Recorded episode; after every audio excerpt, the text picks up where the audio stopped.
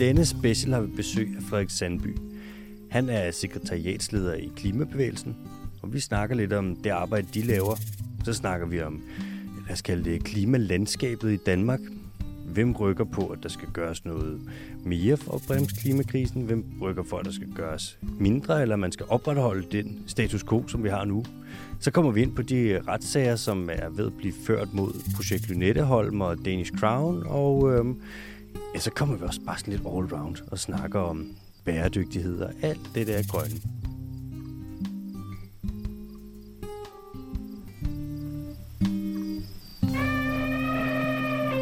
Velkommen til den dyriske teams podcast special. I dag med besøg fra Frederik Sandby. Frederik, velkommen til. Tusind tak. Du er sekretariatsleder i Klimabevægelsen. Ja. Og du har en, du kan sige endt i klimaforandringer. Ja, det er Du har simpelthen taget et, et speciale klimaforandringer. Ja. Hvad skrev du speciale om? Øhm, jamen, jeg skrev speciale om øh, noget, der hedder sikkerhedsteori, øh, som, øh, som handler om, øh, jeg gik ind og kiggede på, hvad, øh, hvad har tidligere regeringer og politikere og Folketinget generelt, øh, hvad har de øh, sagt om klimaet, øh, og hvad har de øh, gjort øh, ved klimakrisen. Øh, og det, som teorien ligesom øh, så handlede om, det er, øh, hvordan får man befolkningen til at købe ind på, at der er en alvorlig krise, der skal løses.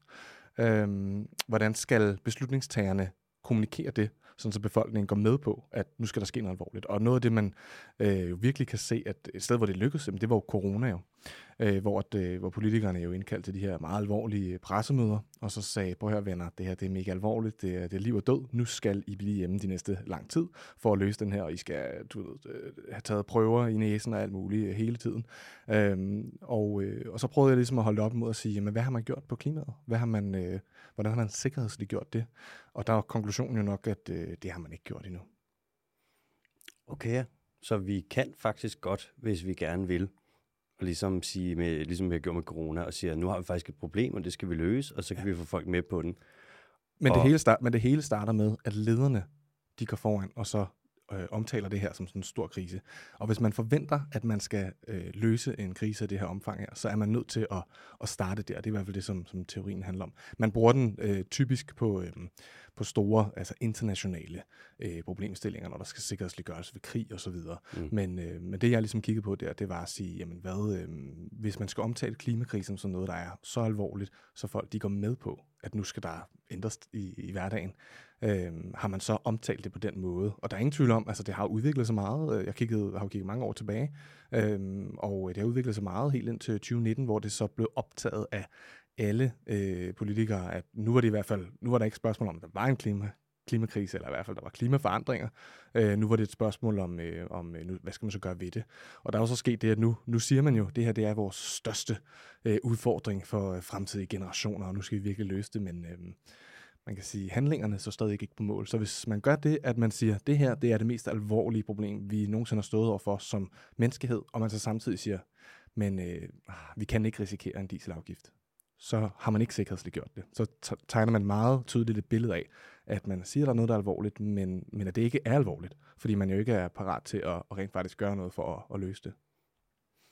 Det er måske også lidt, det er, det er som om, der er lidt, øh, hvad kalder man det, dissonans i det der. Ja, det er der meget. Hvis man kommer og siger, vi er den grønneste regering nogensinde, og vi vil løse vores tids største krise, som er klimakrisen, og vi afsætter 0 kroner til nye klimatiltag i finansloven. Ja.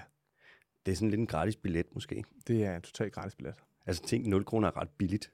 Ja, og- men jeg tror også, altså, der er jo meget af det her med, med, med klimaforandringerne, som der ikke behøver øh, at koste noget på den måde, altså finansloven. På den måde, fordi at øh, rigtig meget af det handler jo om at sætte begrænsninger og sætte afgifter øh, og så videre. Ikke? Mm-hmm. Øh, vi har en tendens i øjeblikket om, at det skal være sådan en win-win-win. Øh, altså, at øh, det må ikke gøre ondt. Det handler sådan set bare om at sætte nogle flere kroner og øre af, og så kan der blive investeret i nogle, nogle nye øh, teknologier. Øh, det er sådan, det kører. Mm. Men man er nødt til ligesom at, at erkende, at det er ikke win-win-win. Øh, den måde, som det bliver ført på nu, det er ikke en måde at løse klimakrisen på. Altså, vi, vi, hvis, hvis man skal lære Danmarks øh, resultater og handlemåde op på en global øh, scene, så øh, skyder vi langt, langt, langt forbi øh, de internationale klimamål. Øh, selv hvis vi bare siger, at Danmark skal gøre lige så meget som de andre, så ikke noget med, at Danmark skal gøre mere, Men bare vi siger, hvis nu alle gør ligesom Danmark, øh, så vi antager, at du ved, Danmark skal omstille lige så hurtigt som Pakistan, eller Indien, eller Kina, øh, så, øh, så skyder vi altså forbi målet. Det lyder lidt som om, du siger, at Danmark ikke er et grønt forgangsland. Ja, Danmark er meget lidt et øh, grønt forgangsland, når man, når man måler det op på de data, som der er på, om hvor hurtigt det skal gå. Altså, der er ingen tvivl om, Danmark er jo på, på nogle områder et grønt forgangsland. Øh, altså det her med, med vindenergi og så videre.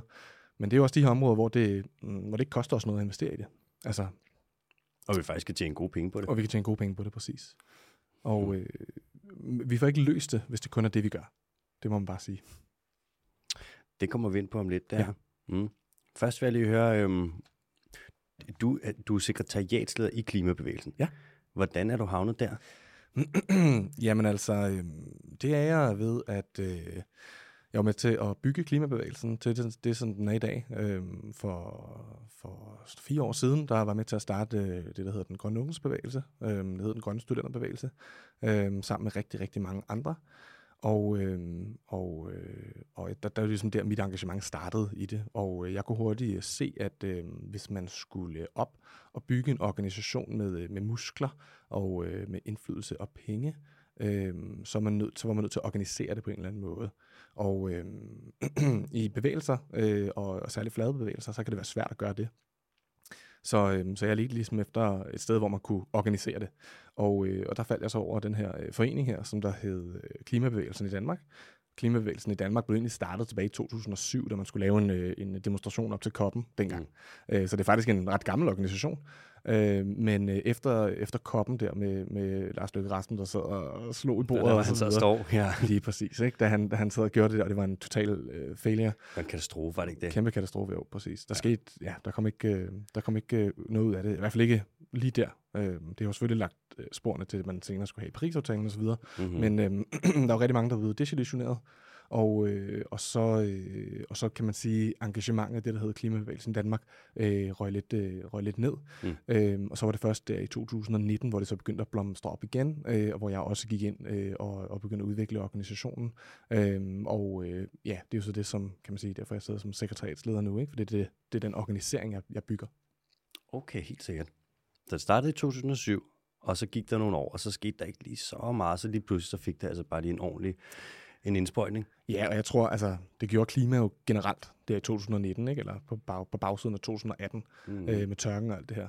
Men det er jo ikke fordi, at klimabevægelsen i Danmark ikke har lavet noget. Det, der var fokus for klimabevægelsen i Danmark der, det var at lave øh, der kampagner for, øh, for øh, pensionskasser osv. Så, så den her enormt stærke organisering, der hedder Ansvarlig Fremtid, mm. øh, var det, der ligesom kom i, i fører, førerhuset.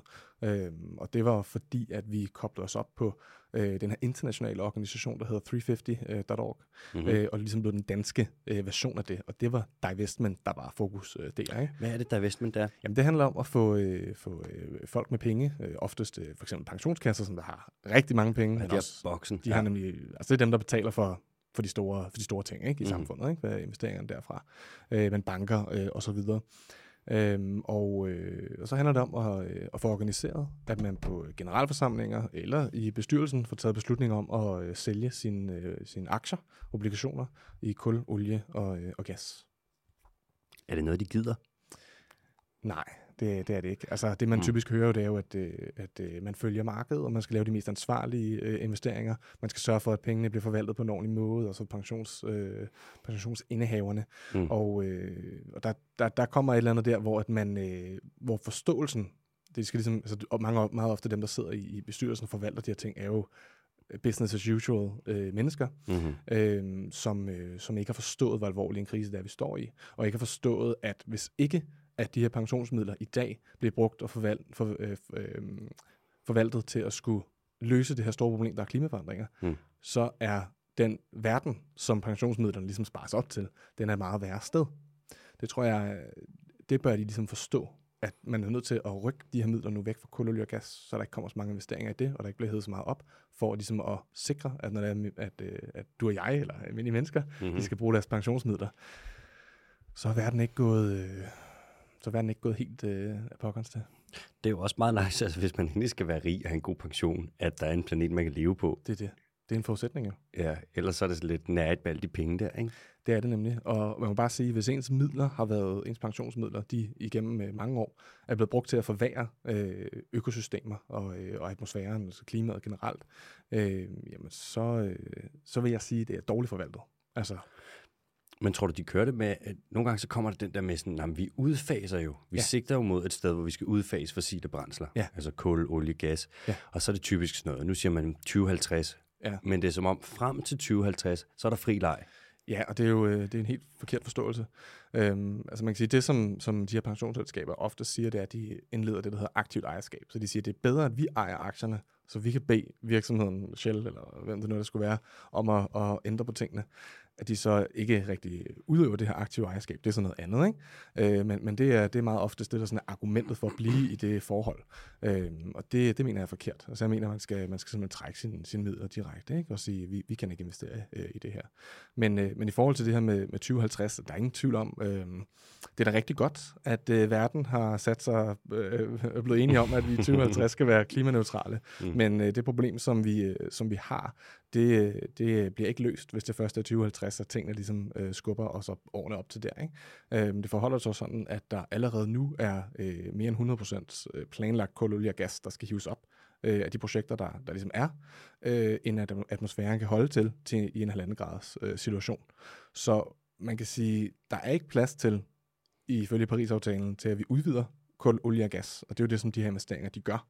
Øh, de går ud og, og hjælper med at udvide det. Ikke? Øh, vi er allerede der, hvor at der skal lukkes øh, produktion eller udvinding af kul, og gas, hvis det er, at atmosfæren og skal, skal kunne holdes under 1,5 grads temperaturstigning. Og det er, det er jo det helt store problem jo, fordi at, øh, det er der ikke mange, der har lyst til. Altså selv i Danmark, der har man jo for to år siden vedtog man det, der hed øh, Nordsøaftalen. Mm. Og øh, der var der jo rigtig mange, der gik og klappede i hænderne og sagde, nu har Danmark sagt, at vi i 2050 skal, være, øh, skal stoppe med at hive øh, øh, olie, op af, og olie og gas op af Nordsøen. Mm. Øhm, og jeg stod der på sidelinjen og sagde sådan, jamen øh, okay, jamen øh, fint nok, men hvad med inden da? Fordi, at, fordi at vi kan jo nå at have, hævet så meget op og brændt så meget af, at, at det, det er lidt lige meget, Mm. øhm, det der mål der.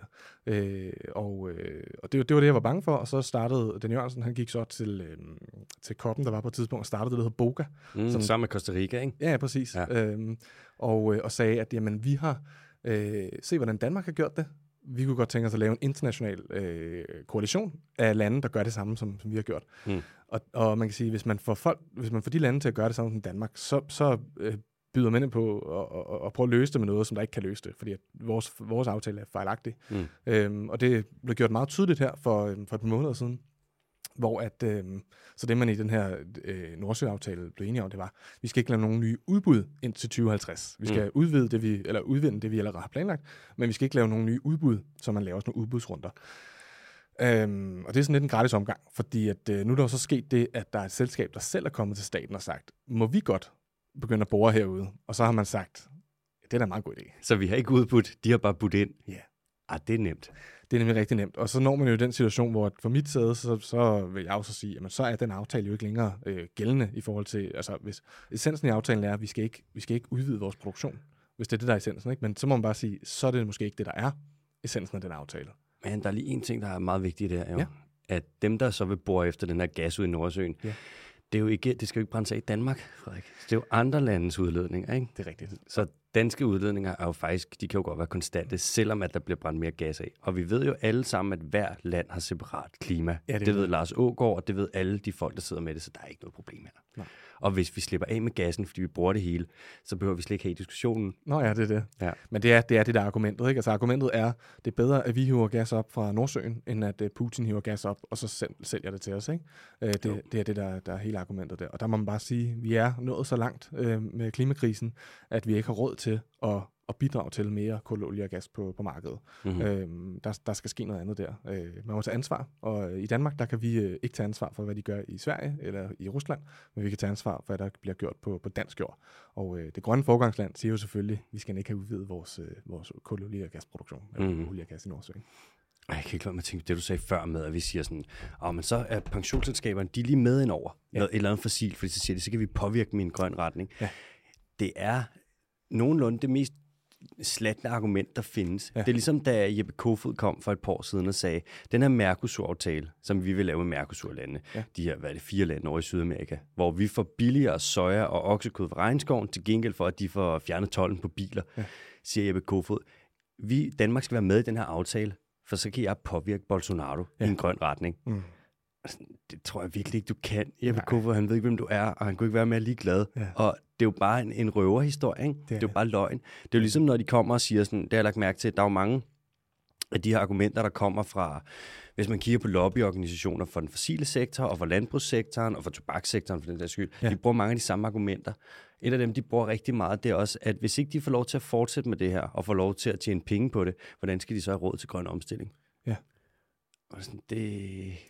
Ja. Man kan i hvert fald sige, at de, har tjent, de tjener jo rigtig godt på det i forvejen. Øhm, og øh, det er nok ikke vores ansvar, at, øh, at de får flere penge til at kunne omstille deres øh, olie- og gasproduktion.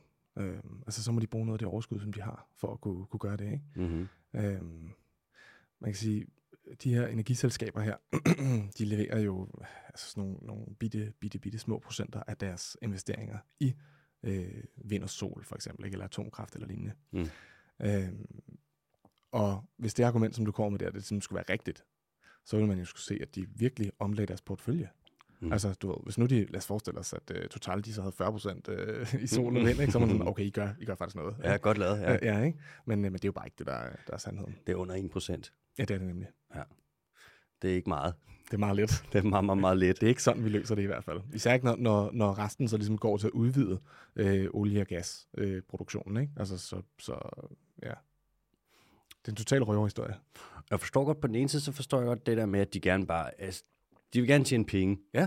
Og de kan se sådan, okay, nu har vi bygget hele verdens infrastruktur op omkring det her, Ja. så er det meget fedt bare at fortsætte. Ja. Og så satse på sådan, nej, men vi, vi løser det her med CCS. Så nu, kører vi, nu fyrer vi den bare af, og så alt det her, vi udleder nu, det kan vi fixere med noget teknologi, som nogen laver til os på et tidspunkt, og ja. så er der slet ikke noget problem. Men samtidig sådan, de ved også godt, at det ikke passer. For hvis man kigger på de beløb, som den fossile sektor har brugt på at lave sådan nogle anti-informationskampagner, Ja. det er ekstremt. Altså vi snakker billioner, som de har brugt på at lyve, siden man fandt ud af, at det her med at brænde fossile brændslag, ja. det laver klimakriser. Så de ved det godt, så på et eller andet punkt, der er det sådan lidt, de pisser i egen rede, de skider i egen rede, og de ved det faktisk godt. Og så imens de laver penge, men de også sådan, vi ødelægger planeten, det er mærkeligt. Det er et mærkeligt resonemang, de har. Også det med, at de kan leve med det. Ja, ja.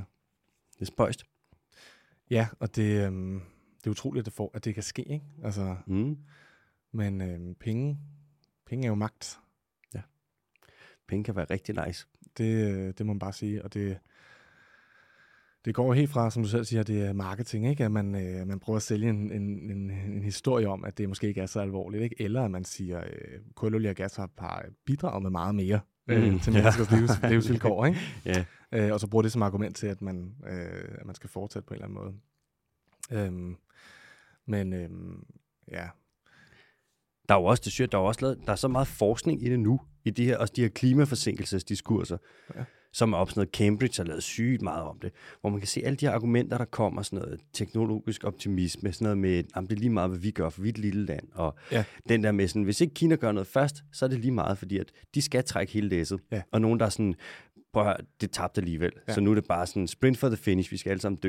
De der argumenter er alle sammen sat op, og vi kender dem. Jeg kan se, hver gang der kommer kampagner fra for eksempel Landbrug Fødevare, hvordan er det, det er rigtig mange af dem her, der kommer igen og igen og igen, og det er så gennemskueligt på en eller anden måde, men man skal også lige sætte sig en lille smule ind i det, og så skal man ikke undervurdere, at de er ekstremt dygtige til at lave de her kampagner. rigtig dygtig. For hvis vi lige kigger på øh, klimabevægelsen, ikke? Ja. så er det jo også, man kan jo kalde det en slags paraplyorganisation. Ikke? Ja. Hvordan det?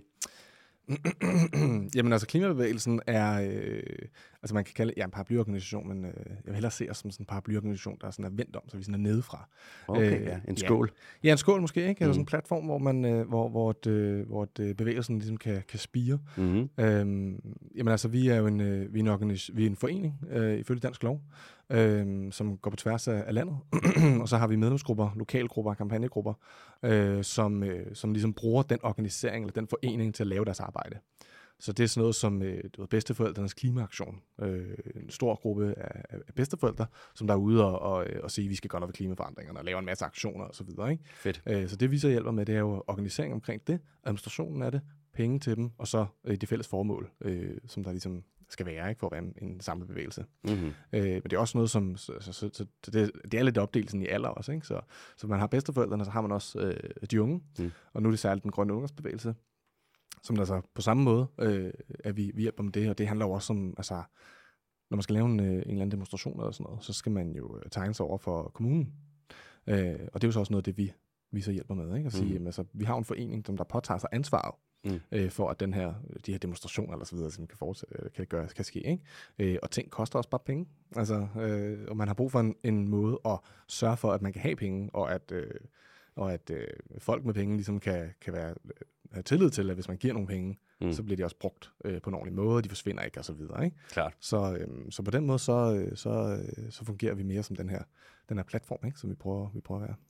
Og så kan I også tage jer nogle af de der administrative opgaver. Ja. Som kan være. Jeg kunne godt forestille mig, at det krævede en del at arrangere en demonstration i København. Ja, det, det kræver lidt, øh, og det kræver også rigtig meget at skulle indsamle altså penge og så videre. Ikke? Øh, altså, der ligger rigtig meget, øh, rigtig meget administration bag at skulle øh, samle store penge, pengesummer ind. Ikke? Øh, om det er bevillingerne til dem, øh, eller øh, ansøgningerne til at lave dem, ikke? og så bagefter øh, regnskab, revision og alt det her. Ikke? Så sådan, det er, det er bare, øh, der ligger mere bag aktivismen, øh, end, end man lige, øh, man lige går og tror. Øhm, og det vi så tænker, det er jo, at hvis vi organiserer os på en måde, sådan så at man har en, en stab, der kan håndtere det, jamen så er aktivisterne alt andet lige meget bedre rustet til at lave det, de skal lave, og lave forandring, øhm, så de ikke skal til at tænke på det, og ikke skal bruge deres energi på det, så de kan være kreative, så de kan ud og lave aktiviteter, øhm, og øh, ja, forandre verden, ikke? Altså det er jo det. Det er jo det, der er formålet. Det er jo det, der er formålet. Jeg tror, det er ret vigtigt, det der med at få den der pointe ud med, at det er forholdsvis organiseret, det der foregår. Ja. Jeg har hørt det flere gange nu, hvor der er nogen, der er sådan, ah, men så unge mennesker, der render rundt i København og vifter med et skilt, og så tror de, at det ændrer noget. Det er lidt mere end det. Det er det, ja. Det er mere end at bare sidde derhjemme på sofaen, ligesom de fleste andre, ikke? Det er helt vildt organiseret, og de, og de øh, hvis det, både de unge, men også de ældre, er jo ultra bevidste omkring, hvad det er, de sådan set gerne vil have for en type samfund, ikke? Mm. men også hvad for nogle aktiviteter, der er, man så tror, man tror på, der så skal, skal løse det. Ikke? Mm-hmm. Øh, altså, der er gået, er gået virkelig meget tanke ind i det, diskussion omkring det, øh, og så i sidste ende øh, ud, udførelse af det. Ikke? Øh, Jeg ser det lidt som, nu tænker jeg også sådan noget med, jeg lavede et afsnit med Christoffer Ellersgaard, hvor ja. vi Ja. snakker om det der med magtnetværk, ja. Ja. og ud fra Magtens Atlas, hans bog der, hvor han har lavet de her, der er de kodet det, så man ligesom kan se, hvordan, ja, sådan nogle, hvad fanden er det, de hedder? Jeg kan ikke huske det, men det er sådan nogle kort over, øh, hvordan magt er centreret. Og hvordan at det ligesom er forbundet mellem forskellige foreninger og sådan. Og jeg forestiller mig, at hvis man lavede det nu, og man lavede sådan en revideret, opdateret version for den bog, den sidste gang han lavede, det var i 2016, så vil du se et kort, hvor hvis du kigger på klimabevægelser, så vil du ligesom se klimabevægelsen sådan centralt i det, og så vil de andre ligesom på en måde springe ud fra den, så det vil være det, der er sådan en forbindingspunkt. Tror du, det er rigtigt? mm, det er et godt spørgsmål. Altså, man kan sige, det kommer an på, hvor man skærer kagen der, fordi sådan, at de grupper, som, som, som vi har, det er jo meget, det er jo græs, rigtig meget græsrødderne. Mm. Så det er klart, hvis man kigger på dem, så vil det, så vil det måske være, øh, være tilfældet. Men øh, når man kigger på klima generelt, i hvert fald også dem, jeg har set af de her typer analyser her, øh, så har man jo meget mere med end det, altså Klimarådet med Concito, Concito, selvfølgelig, Rådet for ja. omstilling og så videre. Ikke? Klart. Derfor så bliver vi bare, kan man sige, en, et, et ben af det. Mm. Øhm, og, øh, og, og der er rigtig mange andre, der også arbejder med øh, mobilisering, pol- politisk øh, klima. Ikke? Øh, men det er klart, hvis man gik ind og så det på græsrodsniveau, så, øh, så ville jeg da håbe, at det var det, man ville, man ville kunne se. Ikke? Har I noget med biodiversitet også? Ja, jamen altså, øh, selvom vi hedder klimabevægelsen i Danmark, så øh, må, man ikke, øh, må man ikke få den idé, at, øh, at, øh, at vi forsager øh, biodiversitetsdiskussionen. Altså, vi er meget overbevist om, at øh, du kan ikke løse klimakrisen, hvis ikke også du får løst biodiversitetskrisen. Øh, der er så meget kulstof bundet op i økosystemer rundt omkring i verden, at øh, det, de to, de, er, de, de hænger rigtig, rigtig meget sammen. Øhm, og øhm, vi har også en, en, en medlemsgruppe, der hedder De Unge Biodiversitetsambassadører. Mm, ja, fedt, Øhm, okay. Og, og det er jo noget, vi, vi arbejder med på tværs. Ikke? Øhm, Mm. Man kan også sige, altså vi, biodiversitet, det er jo selvfølgelig et ord for det, ikke? men natur er også bare øh, øh, en, måde, en måde at tale om det på. Ikke? Og der er ingen tvivl om, at når man ser på, hvad det, der, der mobiliserer folk, altså klima kan selvfølgelig mobilisere rigtig meget, øh, men, men natur generelt kan også mobilisere rigtig meget, særligt når man kommer ud i lokalområderne. Ikke? Altså, så, så, kan Mm, det rigtig, ja. så kan det virkelig handle om, altså ude i kommunerne, sådan, hvad, hvad er det, fordi klimaet er jo sådan, det er jo lidt svært at se, Mm. hvad klimaet lige gør for, for min kommune, men det er meget nemt at se, sådan, hvad, hvor stor en mængde af øh, vores Mhm. øh, kommune er raps. Ja, øh, ja, for eksempel. marker, ikke? Jo. Altså, øh, hvor, man, hvor man så kan tage den diskussion ikke? og få folk op, op på stolen omkring det. Ja. Øhm, men, øhm, men ja, så man, man, det er uforløseligt, hvis ikke vi løser begge kriser samtidig. Jeg tror jeg virkelig også. Ja. Der er også øh, super meget potentiale sådan noget, som du siger, læring i naturområder, ikke? Ja. Og det er fedt, for det er ret gratis. Ja. For naturen, den skal nok bare sådan... Altså, den skal jo holdes nede, og hvis man ikke gør det, så står Ja. den bare og fixerer CO2, ikke? Ja. Ligesom hvis vi sådan får begrænset noget kvælstofudledning i Danmark, så skal Ja. du se ålegræsmand. Hvis det kommer tilbage, shit, der kan blive fixeret der. Det er, Ja. altså, det er næsten lige så godt som CCS. Det er, jeg tror faktisk, det er bedre end TCS, er fordi det er noget, vi kan, øh, noget, vi kan stole på. Mm. Vi, har, øh, vi har mange hundredtusind års øh, data Mm. øh, på, hvordan øh, de områder, som vi har nu, hvordan de har optaget og, og frigivet øh, kulstof. Øh, og derfor ved vi også, hvad de kan. Øh, og vi mennesker kan faktisk være rigtig dygtige til at forøge kulstofoptaget. Ikke? Altså sådan, øh, vi er gode til at... Vi har grønne fingre, ikke? Eller sådan, Mhm, det, ja. Derfor vores civilisation er blevet så god, som den er. Det er, fordi vi, Ja. har, vi har lært at forvalte øh, naturen. Det har så bare taget overhånd øh, på nogle områder. Men hvis man virkelig skulle lave en, en sikker øh, måde at lære meget af den kulstof, som der, som der er, så, øh, så, skulle man, øh, så skulle man investere i, i den del af det, i stedet for øh, bare at gøre det i CCS. Ikke? Øhm, og og der, er- der er mange måder at gøre det på. Øhm, jeg tror, man skal, man skal have en, en noget anden tilgang, end bare at sige, at vi planter træer. Og så sådan... Øh, Ja, vi laver noget klimaskov. Ja, Det bliver lidt simpelt. Der er du heller ikke rigtig biodiversiteten med. det har du ikke, nej. Det er det. For ikke hvor meget, altså CCS, det virker ikke rigtigt. Ikke endnu i hvert fald. Tror du, det kan komme til at virke? Ja, altså, øh, det skal nok komme til at virke, Mm. men spørgsmålet om det kan virke i den skala, som det er behov for. Ja. Og der øh, er det ikke kun mig, men, øh, men også øh, man kan sige, forskningsverdenen, der stiller sig skeptisk til, om, om, man, kan, om man kan nå det. Mm-hmm.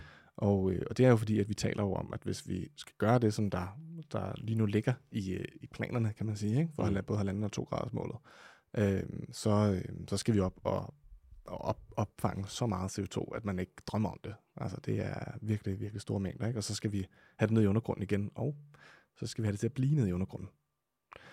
Og den energi og den, de, de pengeressourcer og den øh, kapacitet, som man skal have for at få den her industri, som det kommer til at blive op at køre, kommer til at blive fuldstændig enorm. Og det, det er jo der, hvor man kan sige, øh, kan det lade sig gøre? Øh, jeg, jeg tror ikke, det kan lade sig gøre i den skala, og derfor synes jeg, at man skal begrænse øh, vores behov for at nå til det punkt, hvor det skal være. Og det er derfor, at, at øh, vi jo siger, i stedet for at gøre det, og satse på, at det kommer og kan redde os, at så skal vi sørge for, at der bare ikke er så meget at optage, Mm. og så bare få reduceret CO2-udledning med det samme. Ikke? Og det er jo det, der gør ondt selvfølgelig, Mm. mm. fordi det, det er jo der, hvor dieselafgiften kommer ind i billedet, for eksempel. Ikke? Jo.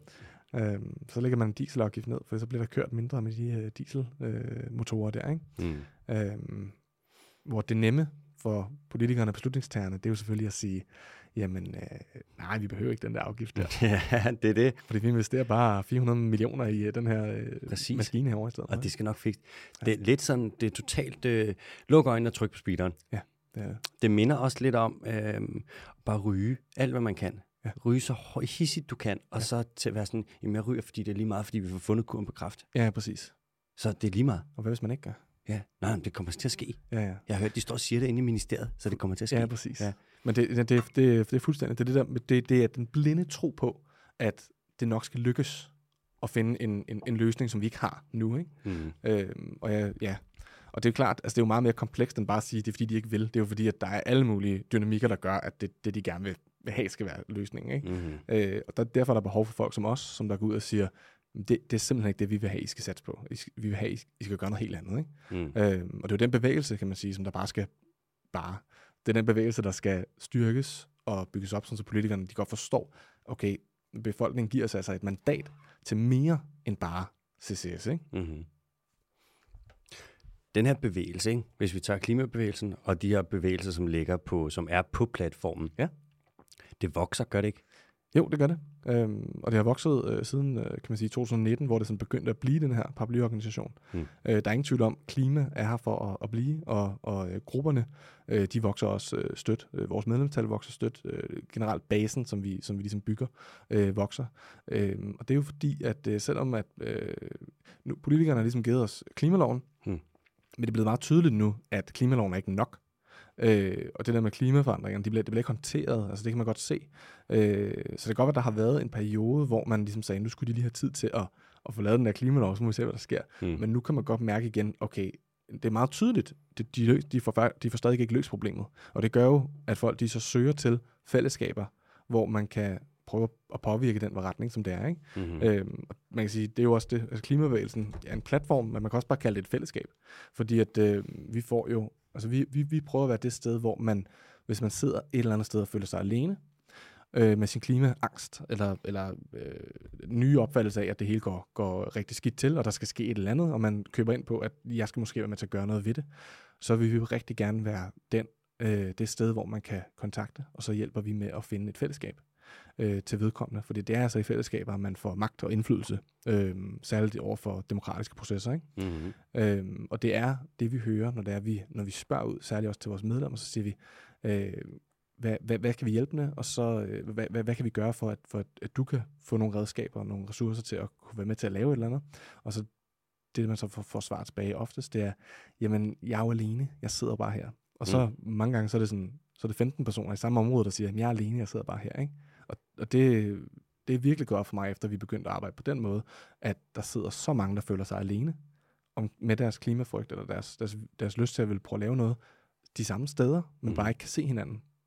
Og øh, hvis vi kan være dem, der sørger for, at de kan se hinanden, så de kan indgå i nogle fællesskaber, gå til deres beslutningstagere, til deres politikere og sige, vores kommune skal altså være, være grønnere, så øh, det vil jeg være rigtig stolt af, og det vil være en rigtig god udvikling, øh, at man vil få på tværs af landet. Ikke? Det må være så nederen, hvis man sidder og arbejder hårdt for at opretholde sådan en business as usual, kulsort dagsorden, og så kigge på en klimabevægelse, som vokser, ja. og se, hvordan den vinder større og større indpas, og hvordan der kommer flere og flere medlemmer, og også det med, at klimabevægelsen begynder at arbejde mere og mere sammen med sådan de mere traditionelle mm. hvad siger man, naturbevægelser. Ikke? Mm. Se, hvordan DN, altså Danmarks Naturfredningsforening, også kommer ind i klimakampen nu. Ja. Og det er, sådan, det er et flagskib, mand. Det er, det er 150.000 medlemmer, ikke? Kæmpe store. Udover, hvad det 79 lokalafdelinger osv., og kommer ind og stille og roligt, hvis de begynder at arbejde sammen. Ja. Klimabevægelsen, naturbevægelser, og så endda nogen, der kommer ind sådan lidt, hvad siger man, nogle spillere, som man ikke vil forvente på den bane, men ja. øhm, dyrevelfærdsorganisationerne, ja. dyrenes beskyttelse, som melder sig mere mere ind i klimakampen. De er sådan, dyrene synes også, det er noget, der er en klimakrise. Ja, præcis. Og ser det der med, at der er nogle af de der steder, hvor at, øh, de også gerne vil have, at der er noget, der ændrer sig. Dyrefabrikker for eksempel. Ja. Ekstremt dårligt for klimaet. Det kan man sige. Super dårligt for naturen. Det kunne ikke være værre for dyrevelfærd. Så lige pludselig kommer de ind, så har jeg lige 150.000 medlemmer, der kommer med der. Ja. Og man kan godt se den der mobilisering. Lige pludselig kan man i Danmark se, hvad vil jeg, en halv million mennesker, der står og lige pludselig er utilfredse med ja. den politik, der ikke bliver ført. Det er jo fedt. Men mm. det må være nederen, hvis man gerne vil have, at det skal mm. fortsætte som nu. Ja, så to ting til det. Det ene er, øh, det er helt klart den styrke der, som der har gjort, at hen over de sidste par år, at der ligesom er kommet et skub, det er, at de her mange organisationer, øh, de ligesom har gået sammen og sagt, nu har vi et konkret krav, og det var så 70 målet. Mm. Øhm, det er derfor, det lykkes, fordi der kommer nok skub bag det. Ikke? Det andet, det er så sådan, altså det, når, når du siger, at øh, der er, øh, man er utilfreds med det, den måde, som vores, vores tidligere klimaminister ligesom håndterede det, så han, man kan sige, han er jo regeringens, øh, den, den der ligesom svarer på, hvad, hvad, hvordan er det så? Altså, de, de prøver jo at, øh, at tale den organisering ned, som der foregår, ikke? Så man siger, øh, jeg tror sådan ordret er det sådan noget med, vi kan jo aldrig gøre dem tilfredse. Øh, de, de, de, de, de brokker sig bare, ikke? Dan Jørgensen blokerede dig. Ja, det er rigtigt. Det er umiddelbart et... Men man kan sige, du er også, altså du, du er sekretariatsleder i klimabevægelsen. Det er ikke fordi, at du er en super klimarelateret. Han er, det, det er fint, det må han godt. Ja, altså, det skal han, det skal han jo have lov til øh, at gøre, hvis han synes det. Jeg synes, det er rigtig træls øh, sådan for, for, for, for, for dialogen omkring det. Ikke? Øh, det gør alt andet lige lidt sværere at, at tale sammen øh, efter sådan, sådan en der. Hvordan forklarer han det? Jamen, øh, jamen, han synes jo, at jeg, jeg synes, jeg, jeg synes ikke, det var konstruktivt, det jeg, det jeg, det jeg skrev øh, på Twitter. Og, øh, og derfor så vil han ikke være med til det. Men du er special i klimaforandringer, og du er sekretariatsleder i klimabevægelsen. Ja, yeah, altså jeg tror bare, han tænkte, det, det, det koster ikke noget at, at lave den, øhm, den blokering der, og det, og det altså fred være med det. Jeg synes jo, det er rigtig træls, øh, netop også fordi jeg er sekretariatsleder, øh, men, øh, men sådan er det. Altså jeg gjorde det, jeg gik til, øh, til ombudsmanden og prøvede at sige, at øh, jeg synes, det er, synes, det er åndssvagt, øh, at, øh, at det her det er sket. Øh, og, øh, og så prøvede jeg at rejse en sag op omkring, at øh, jeg kan jo se, at Dan Jørgensen, øh, hans profiler, de er øh, offentlige, øh, og det er ikke kun ham, der forvalter dem. Altså, at det content, der bliver lavet til dem, og det er noget, som ministeriet står bag. Mm. Og øh, i og med, at det er det, så mener jeg, at det er en øh, altså ministeriel konto, kan man sige. Ikke? Så jeg mener ikke, at han, han må fjerne det, for jeg, jeg skal kunne følge med i det, han laver. Mm. Øhm, og, og det mener jeg sådan set, øh, mener jeg sådan set stadig. Øh, altså, mit arbejde er alt andet lige sværere, når jeg ikke kan se, hvad vores leder mm. laver på klima. Ikke? Det må man sige, ja. Øhm, og det, det tog ombudsmanden jo sådan set også op, og der blev lavet en sag, sag på det, mm. øh, og der blev gravet i det og, og så videre. Ikke? Og det kom så frem, at det var cirka halvdelen af alle hans opslag og så videre, som der var fabrikeret øh, okay, af ministeriet. Ikke? Mm. Øhm, og så skete der ikke mere ved det, fordi at man jo sagde, at hvis det kun er halvdelen, så er den jo, så er den jo også halvt privat jo. det er næsten sådan en Lars Lykke-manøvre. Ja, altså man kan i hvert fald sige, hvis, hvis halvdelen af min indkørsel bliver lagt af, af embeds, embedsfolkene, så, øh, så har staten jo alt andet lige en eller anden form for ejerskab, der bør have over, over min indkørsel. Ikke? Men altså, det, øh, det, det var også noget, der blev taget op i den der dyb, dybvadssag, øh, der var, hvor man sagde, at hvordan skal man forvalte sociale mediekontorer mm. øh, fra, fra regeringens side af i fremtiden. Øh, så, så man kan sige, på den måde, så har det jo haft en positiv øh, påvirkning, fordi det er nu noget, man arbejder videre med for at sige, jamen, de der konti for vores ministre og så videre, hvad må, de egentlig, hvad må ministeriet egentlig bruge ressourcer for, for at lave dem, ikke? Mm. Øh, eller skal det være ligesom i, i USA, hvor at, du ved, præsidentkontoen, den går i arv, så at man ikke er i tvivl mm-hmm. om, hvem det er. Ikke? Klart. Jeg synes, du opfører dig rimelig sobert på Twitter. Altså, du er da slet ikke i det sådan, i segmentet, hvor jeg tænker, at det der, det er nogen, der skal, hvor man har en undskyldning for at blokere. Hvad spurgte du om? Hvad spurgte du om opskriften på klimafridellerne? Ja, det gør jeg. Nej, ja. det gør jeg ikke. Øh, nej, jeg tror, jeg, altså, det var, øhm, det var lige efter, øhm, jeg tror 2020, Øh, hvor at, øh, det er i hvert fald det, hans, hans argument er, at, øh, at jeg, jeg skrev nogle ting, hvor jeg sagde, at øh, jeg synes, at Dan Jørgensen og Mette Frederiksen, de skider på klimaloven, som de lige har vedtaget. Og det var sådan den, den phrasing der, ikke? Mm. Og det synes jeg sådan set stadig, de gør. Øh, så, øh, og det er måske bare mit, mit lidt mere unge sprogbrug, som, som man ikke synes særlig godt om. Men jeg tror også, altså sådan, på det tidspunkt, hvor blokeringen egentlig indtraf, det var, det var et halvt år senere end det her eksempel, som han er kommet med. Mm-hmm. Øhm, og det var sådan set et tidspunkt, hvor, at, øh, hvor Boga blev, blev, øh, blev der, til. Aftalen om at udfase i 50. Ja, ja, og der havde lavet vi en intensiv, øh, fordi vi vidste jo godt, at han har jo virkelig brug for international opbakning til det her. Mm-hmm. Øhm, så vi lavede sådan set bare en intensiv øh, kampagne, hvor, at, øh, hvor vi målrettede hans øh, aktivitet. Og så hver gang han kom ud med noget der, jamen, så var vi jo hurtigt ude til at, at følge op på det med, øh, med presmeddelelser og så videre og lægge det i hans feed. Øh, og det var sådan set der, hvor jeg mødte blokeringen. Øh, og for mig at se, så det, det er sådan set meget fint, for det viser jo, at det virkede, øh, det vi lavede der. Ikke? Mm. Øh, det, havde en, det havde en påvirkning, og det han synes ikke godt om at blive stillet et dårligt lys. Øh, at, at den undskyldning så var noget andet øh, for, hvorfor blokeringen indtraf, det er jo så, det er jo så hvad det er. Ikke? Men øh, i min optik, så er, det, så, er det, så er det en af årsagerne her. Du er ikke blevet øh, blokeret af Lars Ågaard endnu, vel? Nej, faktisk så omvendt. Altså, jeg er en af de få, der sådan, som er venner med ham øh, på, på Twitter. Han har sådan en omvendt profil, ikke? hvor man, han har en lukket profil, og så skal man godkendes til at kunne se det. Ah, ja, okay, ja. ja. Men han bruger det så ikke så meget, kan man sige. Nej. Nej. Men altså, jeg har, også, jeg har allerede haft flere møder med, med Lars Ågaard, end jeg har haft med Dan Jørgensen. Så på den måde, så kan man sige, at der er en dialog, der er noget lettere med vores nye klimaminister, end med den, den tidligere. Ikke? Men jeg kan også godt forstå det. Altså, hvis, hvis øh, jeg tror, altså Lars Ågaard er meget der, hvor at, du ved, har du noget, har du noget at byde med? Øh, har du noget indflydelse? Har du noget, har du, har du noget du, øh, som, som vi kan bruge som parti eller som regering? Mm. Øh, så, lad os, så lad os tale om det. Har du nogle gode idéer? Hvor Dan Jørgensen lidt mere er den der type, hvor han siger, jamen, du ved, I jo altid utilfredse. Mm. I brokker jeg bare. Og det er jo klart, så, så kommer der meget lidt dialog, ikke? Det må man sige, altså, ja. så, så begge veje går den jo rigtig skidt. Mm-hmm. Ja. Er det, har det været konstruktive samtaler med Lars Ågaard? Ja, det synes jeg, det har. Det synes jeg, det har. Altså, øh, konstruktiv i form af, at øh, man, føler sig, man føler sig hørt. Jeg er sikker på, at han, har, han forstår vores synspunkter, men øh, man kan sige, ikke særlig konstruktiv i form af, at han er bare helt ærlig og siger, det kan vi ikke gå med til. Okay, ja. Men altså, så, så er det jo sådan, det er jo. Altså, det, man kan sige, et er jo, det er, det er, det er jo det med politik, sådan, hvis, man, hvis, jeg, hvis jeg går til dig, og jeg gerne vil forhandle et eller andet med dig, øhm, og øh, du bare med det samme siger, øh, det, det kan vi ikke gå med til. Okay, men så ved jeg jo godt, det er jo i hvert fald ikke, det er jo så ikke dig, jeg skal prøve, jeg, jeg skal prøve at finde en måde til, hvordan du så kan øh, ikke simpelthen presset til, men, men, men hvor jeg kan få noget indflydelse, der gør, at det ændrer din overbevisning. Mm. Og det starter selvfølgelig med, at man finder ud af, hvad din grundholdning er til det her. Sådan, hvorfor er det, at du er utilfreds med det her Mm. øh, forslag, som jeg kommer med her? Ikke? Og der er jo ingen tvivl om, de forslag, som vi kommer med, det er jo bare nogle forslag, som der alt andet lige vil være lidt, lidt, u, lidt øh, øh, upopulære nu og her, øh, men som vil give øh, en stor øh, klimagevinst på, på, på længere sigt. Ikke? Øhm, og, øh, og det, er- det er en, stor humler. Ikke? Øhm, og når man så ved det, jamen, så kan man arbejde ud efter det jo. Hvad tror du, de ville sige, hvis uh, en regeringsperiode ikke var fire år, men det var 30 år?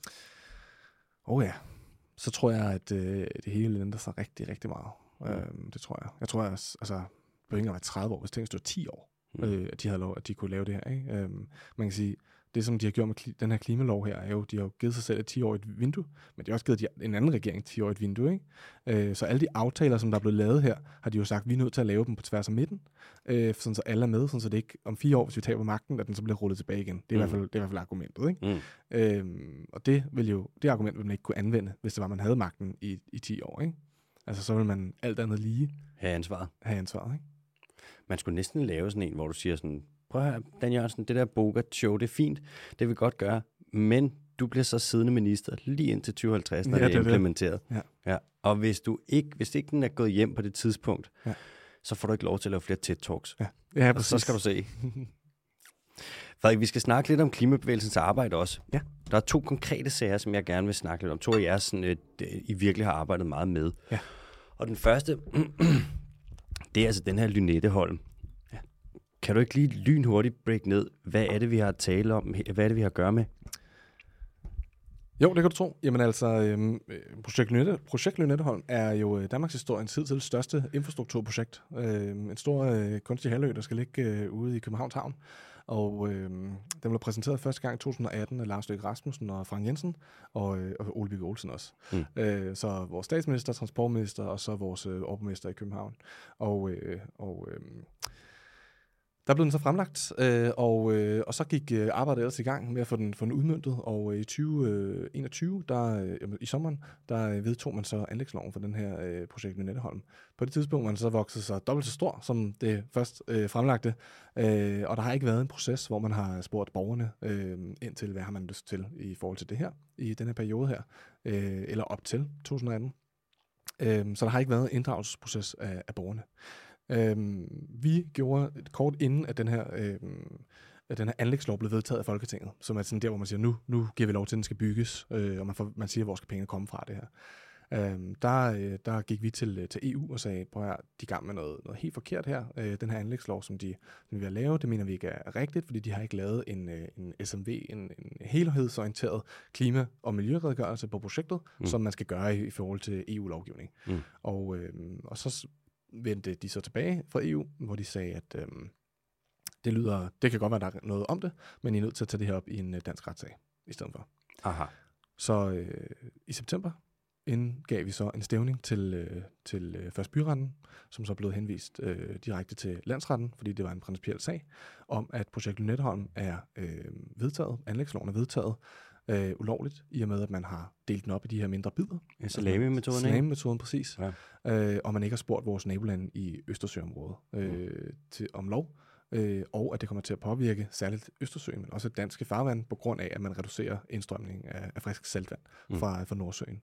Og øh, ja, så det er sådan set retssagen i sin, i sin grundessens.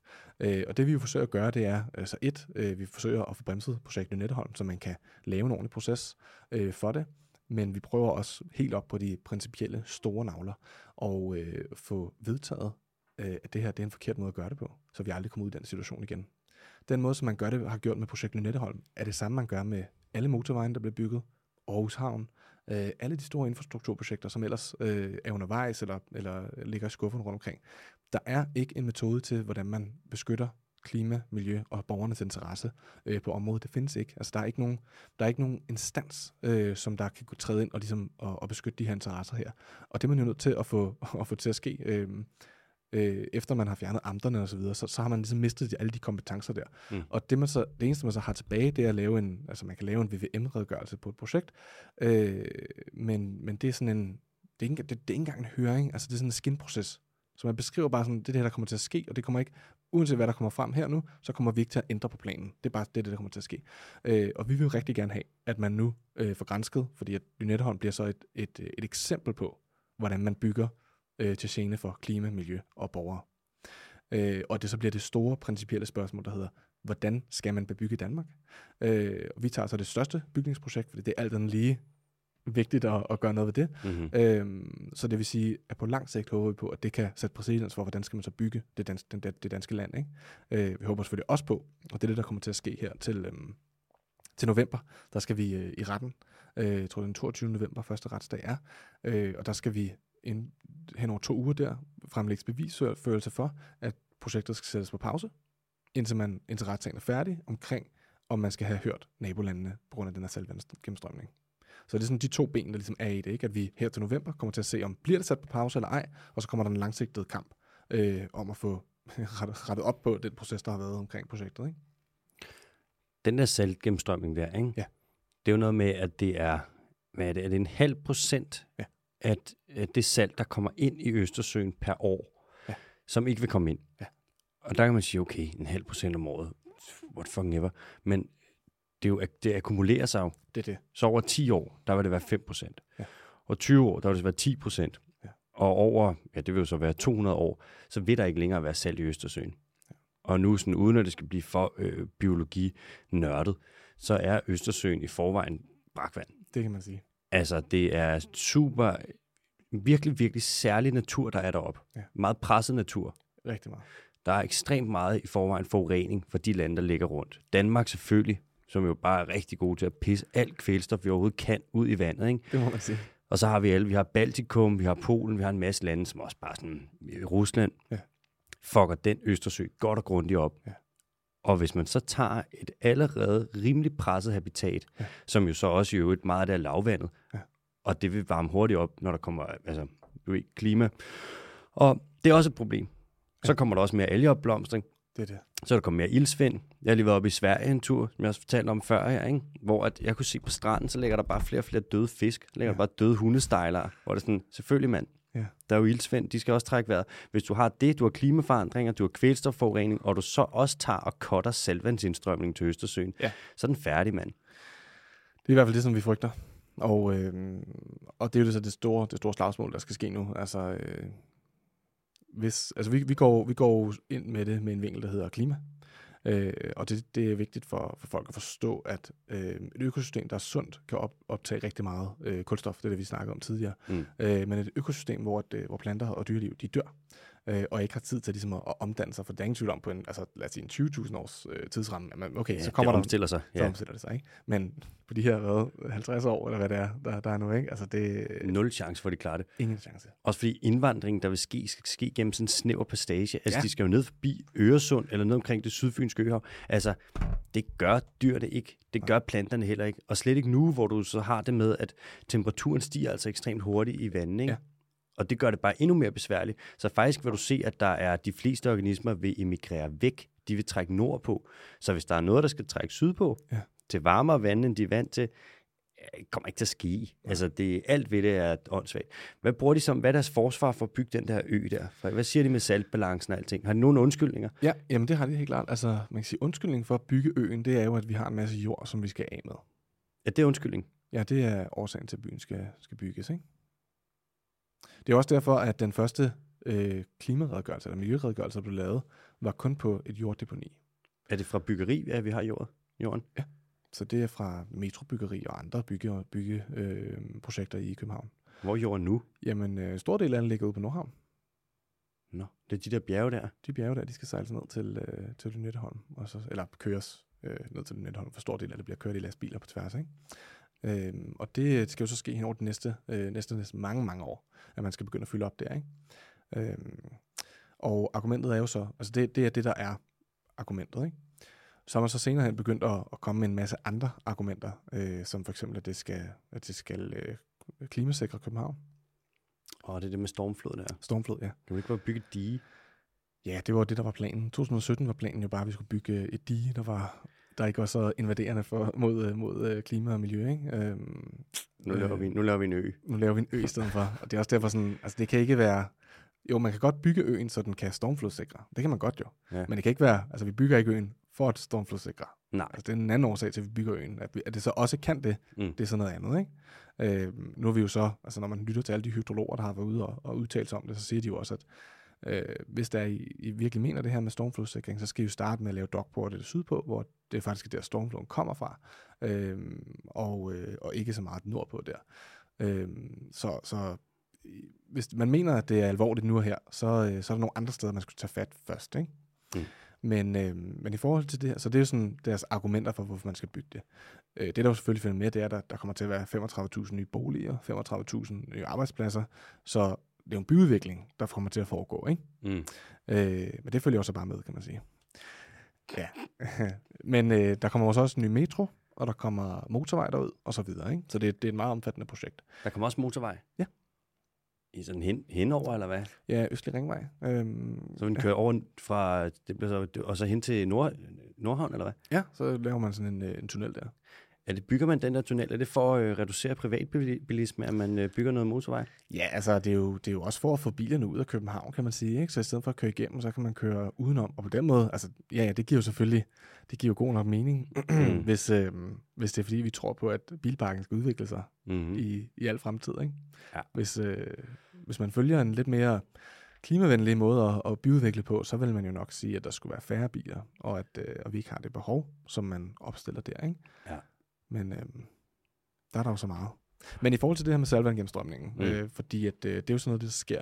Jamen altså, hvis man, hvis man kigger ud, hvis man havde sådan et, øh, et topografisk kort over øh, om Øresund, og så ud foran København der, mm. Så vil man kunne se, at lige præcis uden for København, der er sådan en dyb, dyb rende, Kongedybet, ikke? kongedybet, ikke? Ja. Og øh, det er rigtig dybt, og, og sådan er det med salt, det er tungt, så det løber, øh, det løber dernede. Mm. Øh, det man så gør, det er, at man bare simpelthen fylder det op med jord og med store sten. Øh, og, øh, og så kan det her saltvand så ikke løbe ned igennem der. Og det man så, argumentet er, at, det har, at de mener, at det har så lille en effekt, at det er lige meget. Ja. Og øh, det er jo så det, vi siger, det mener vi ikke. Og det er det, vi siger til dommerne, at så må I vurdere, er det rigtigt eller er det ikke rigtigt. Vi, Mhm. men, vi mener jo også, at hele den måde, man har fået undersøgt det på, at det er øh, fejlagtigt, og at øh, vi er nødt til at få nogle andre til at kigge på, om det her det er rigtigt. Hvem Øh, har, hvem har undersøgt det? Jamen, DHI har lavet nogle, øh, nogle overfladiske beregninger, som, øh, som vores eksperter siger, at øh, de er fuldstændig uddateret og kan ikke anvendes til det her, som man, som man har. Og så har man fået et hollandsk selskab, der hedder Deltars, til også at, at lave nogle genberegninger. Men øh, det skal jo ikke være nogen hemmelighed, at man har fortalt Deltars, hvad man gerne vil have øh, frem af deres, deres analyse. Det er meget nemt jo. Så, har, så er konklusionen skrevet på forhånd. Så er skal de jo det. kun lave resten. Det er, det er desværre det. Men altså, i, uanset hvad, så det Deltars også kommenterer på, det er også, at, at der er mangler. De siger, at der er rigtig mange mangler i jeres analyse. Mm. Mm. Um, så det er jo sådan, at man, man kan cherrypick, hvad man gerne vil, vil høre ud fra sådan noget der, ikke? Mm-hmm. Men, øh, men det skal vi have, det skal vi til bunds i. Og så, øh, jeg stoler rigtig meget på, at dommeren kommer til at sige det. Vi forstår, vi kan godt se, at der er en problematik her. Øhm, og så sker der jo det, at man i sådan en proces her, så, øh, og det er jo, det er jo du ved, hvis, hvis, øhm, hvis alle lande bare kunne bygge, hvad de har lyst til, mm. særligt ude i havet, ikke, hvor man virkelig påvirker hinanden, Mm. øh, særligt i Øresund, sådan, det er det sted, hvor vandet løber igennem. Altså sådan, det, det er der, det løber igennem, ikke? Mm-hmm. Det kommer ikke alle mulige andre steder fra. Nej, nej, nej. Det er snæver passage. Meget nemt, ikke? Så sådan, det er virkelig et, øh, et ømt sted at gøre det, ikke? Så sådan, virkelig der skal man være opmærksom på det. Men, men det er jo alle lande. Hvis man bygger et eller andet, så er man nødt til, at hvis, hvis det kommer til at påvirke nabolandet eller nogle andre lande, så er man jo nødt til at snakke med dem jo. Altså det er jo sådan, det er jo sådan vores demokrati på tværs af landene, vores diplomati fungerer. Og det har man simpelthen bare ikke gjort. Jamen det er jo så det der er spørgsmålet. Hvad er det? Hvad, hvad, hvad betyder det at gå ind og spørge om, øh, om lov? Mm. Og, øh, og vi siger, det har I ikke gjort. Øh, og de siger, jamen, det har vi gjort, for vi har jo sendt de her mails her. Og vi skriver, vi har tænkt os at bygge by- bygge Lynetteholm. Øh, og det, der så også står i de her mails, jo, det er jo, at det har ikke nogen effekt på jeres land.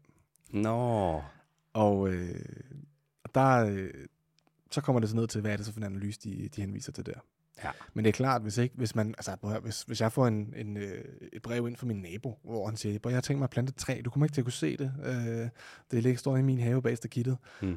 så Det er fint. det er super nice. Men hvis han siger, prøv jeg planter lige et træ ude i din indkørsel, så du kan sgu ikke køre med din bil. Præcis, Men vi har undersøgt det, der er ikke nogen effekt. præcis.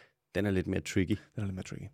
Hmm. Så, og det er det, som det, det, vi går til dommeren og siger nu, på her, øh, det er ikke blevet gjort ordentligt, det der. Når man laver sådan et, du siger det, det største infrastruktur i Danmark nogensinde overhovedet. Ja. Udleder det ikke også en del at lave sådan en omgang der?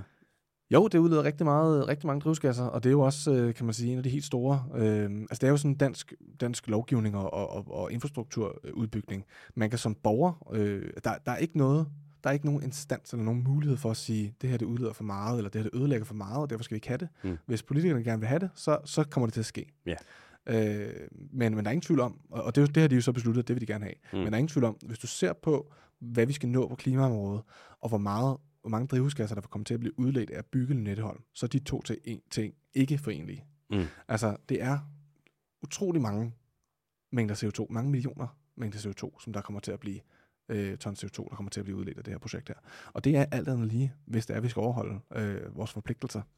Øh, noget CO2, der så skal findes et andet sted. Og det er jo det, man ikke får, man får ikke fortalt frem. Altså siger, at hvis vi bygger det her med alle de bygninger, øh, der skal være der, og metro og motorvej, så er der nogle andre, der skal løbe hurtigere. Vi har 70% målet, ikke? Mm. Øh, så, så der er nogle andre, der skal løbe hurtigere, øh, for at vi kan nå det her. Hvem er det så? Altså landbruget? Ah, det er det nok ikke, vel? nej, altså, det tror jeg sgu ikke. Er det, er det Novo, der skal reducere? Altså, hvem er det, der skal reducere sig? Er det, er det så vores, skal vi have færre biler så, eller hvad? Hvad er det, ikke? Mm. Øh, hele den her diskussion her, den er fuldstændig usynlig derude, ikke? Og det er jo det, der er ved det. Man kan ikke vedtage så stort et anlægsprojekt her, uden at have haft den her drøftelse om, hvordan vi forvalter vores resterende CO2. Hvordan forvalter vi øh, den vej til den grønne omstilling, som man har. Det er klart, øh, miljø øh, og, og, og borgers øh, indflydelse på, hvordan projektet skal se ud osv., er jo også en del af det, men på klimaområdet, der er den drøftelse, den, den skulle man selvfølgelig have haft. Det er nok også derfor, vi ser det der, selvom at sådan, man hører så meget om bæredygtighed, ja. og man hører så meget om grøn omstilling, og virksomheder, der prøver at gøre sig umage, og det ene og det andet. Og meget af det er selvfølgelig bare sådan sludder, eller noget, nogen ja. siger. Men der er jo stadig nogen, der gør en indsats. Men man kan sige, at Danmarks samlede udledninger, det er klart, at de stiger, når man laver sådan noget som det her. Fordi det, hvis det kommer til at udlede millioner af ton CO2, og man så samtidig laver en ny motorvej, så er der Eholm motorvejen, ja, ja. Og, og du så samtidig laver havneudvidelsen i Aarhus, så er det som om, man, øh, man reducerer ikke sine øh, udledninger ved at forøge dem. Nej, det gør man ikke. Jeg tror, Greta Thunberg sagde det meget, meget pænt. Ikke? Vi kan ikke løse øh, klimakrisen ved at fortsætte øh, den måde, som vi har gjort det på de sidste mange år. Præcis, altså, mand. Det burde være rimelig indløsende. Ja. indlysende. Nå. Men det der, er, altså det der er ved de her infrastrukturprojekter, det er jo også, dengang man lavede den her store infrastrukturpakke, mm. den her tankegang, der er omkring det, det er jo, øh, spørgsmålet er, hvornår er et pro- projekt øh, klimavenligt, eller klimaneutralt, ikke? Mm. Øh, det vil sige, at det skal det være. Vi skal bygge et eller andet, så skal det være klima, klimavenligt, klimaneutralt. Det skal være godt øh, for klimaet. Og den måde, man så øh, ligesom beslutter på, er det så eller ej, så siger man, jamen, af lignende projekter, hvad har vi bygget førhen? Hvis vi så bare bygger lige så meget, hvis vi ikke forøger mængden af det, så har vi jo ikke forøget klimaeffekten. Så er vi jo neutrale. Er det seriøst? Og sådan der begynder man så at regne frem til at sige, jamen, så kan vi jo godt anlægge motorveje, så kan vi godt anlægge de her infrastrukturprojekter osv. Og det er, det kan ikke, altså det kan simpelthen ikke få lov til at fortsætte. Det minder lidt om, når man fisker, mm. og du går efter fiskebestanden, og så fisker du dem ned, Ja. Og sådan er det med størstedelen af verdens fiskebestanden nu. De er maksimalt fisket, altså to ja. tredjedel. Og mange af dem, de fisker ned til et ret lavt niveau, men man fisker dem ikke længere ned. Så du holder dem bare i knæ, og så ja. siger man, det der, det er bæredygtig fiskeri. Ja. Fordi at de er jo, det er jo konstant niveau. Sådan, det, det, der, det er det samme jo. Det er simpelthen... Øh, nå, men det, igen, det er nemt. Ja, det er nemt, og, øh, og så, øh, så behøver man ikke ændre på regnemetoderne. Altså, det er jo også det, ikke? Altså, det er, det er strukturelt har vi nogle enorme problemer på den måde, som vores samfund bare kører på. Fordi sådan, det kører. Det er business as usual. Ikke? Mm-hmm. Og det er det, når forskerne siger, business as usual skal ud af, af vagten, så er det også sådan noget her, man siger. Ikke? Man siger på her, når I laver jeres infrastruktur, så skal I se på den samlede mængde CO2, der bliver udledt øh, af det, mm. og så prøve at sige, jamen okay, så skal vi måske ikke have den motorvej, ja. eller den der, eller den der, eller den der, eller Kattegat-forbindelsen, og så videre. Ikke? Præcis. Okay, ja, nå, det lyder rimelig, øh, det lyder rimelig fucked, det man har gang i der. Jeg håber, det kommer til at gå godt med retssagen. Ja, altså den er også lang tid undervejs nu, ikke? Øh, jeg begynder også at sidde og trippe, hvad sådan, nu skal det snart ske. Øh, men jeg fik her i øh, går fik jeg øh, sådan en, et brev ind, hvor der stod, hvornår skal hvem vidne og så videre. Der kunne jeg mærke, okay, så er vi ved at være klar, ikke? Fedt. Øh, hvor vi sådan, vores eksperter står, hvornår de skal på vidneskranken, øh, hvornår Deltars, hollandsk firma skal på vidneskranken, hvornår By og Havn skal derind og så videre, ikke? Så, så, kan, så kan man virkelig sådan, nu kommer det til at ske, ikke? Nu kommer der til at være en reel retssag, som man kender det, mm. og en dommer, der, der altså fordi det der er, er det, der er med klima, man, øhm, man kan sige hvad som helst. Og det gør, det gør virksomheder og politikere. De siger hvad som helst. Mm-hmm. Men i en retssag, der er der no bullshit. Ah, det er fedt. Fordi det er bevisførelse, ikke? Mm-hmm. Så man, man fremlægger sit bevis, og så argumenterer man for det. Og så kan de være, de kan sige alt muligt om front, forgangsland og alt muligt. Mm-hmm. Men det, det kommer ikke til at påvirke noget. Det handler om, hvil- hvilke beviser har de. Og der må man bare sige, at på klimaområdet, der er det jo sådan så, at dataen og øh, hvad forskningen viser, det er jo det, der er på vores side. Ikke? Øhm, og det, der ligesom er imod, det er ønsket om at gøre tingene på en anden måde. Ikke? Så sådan, at vi kan drømme os over til at gøre noget andet. Det fede er også, at den der retssag, vi kommer til at få en masse opmærksomhed. Og noget af den opmærksomhed kommer til at ramme vores nabolande. Og når de finder ud af, hvis ikke de allerede ved det, Ja. hvordan er vi bare vil cut den der saltår Ja. op, og egentlig ødelægge vores fælles hav, bare fordi at der er nogen, der har fået en eller anden idé på et tidspunkt, og Ja. nægter at droppe den der. Det er jo en åndssvag idé. Ja, ja. Altså, det er virkelig en fjollet idé. Det er sådan en, de har ikke engang, de har ikke undersøgt miljøkonsekvenser, de har ikke undersøgt klimakonsekvenser, de har bare tænkt sådan, fuck det her, mand. Nu kan vi lægge vores jord her, Ja. nye boliger, et eller andet, noget med noget, vi kalder det et kinderæg, og så skal alle bare lukke røven. Ja. Det er, jeg tror, der er nogen, der får et rap over nallerne. Det tror jeg også. Frederik, nu hvor vi snakker retssager, ikke? Ja. så hopper vi lige videre til en anden.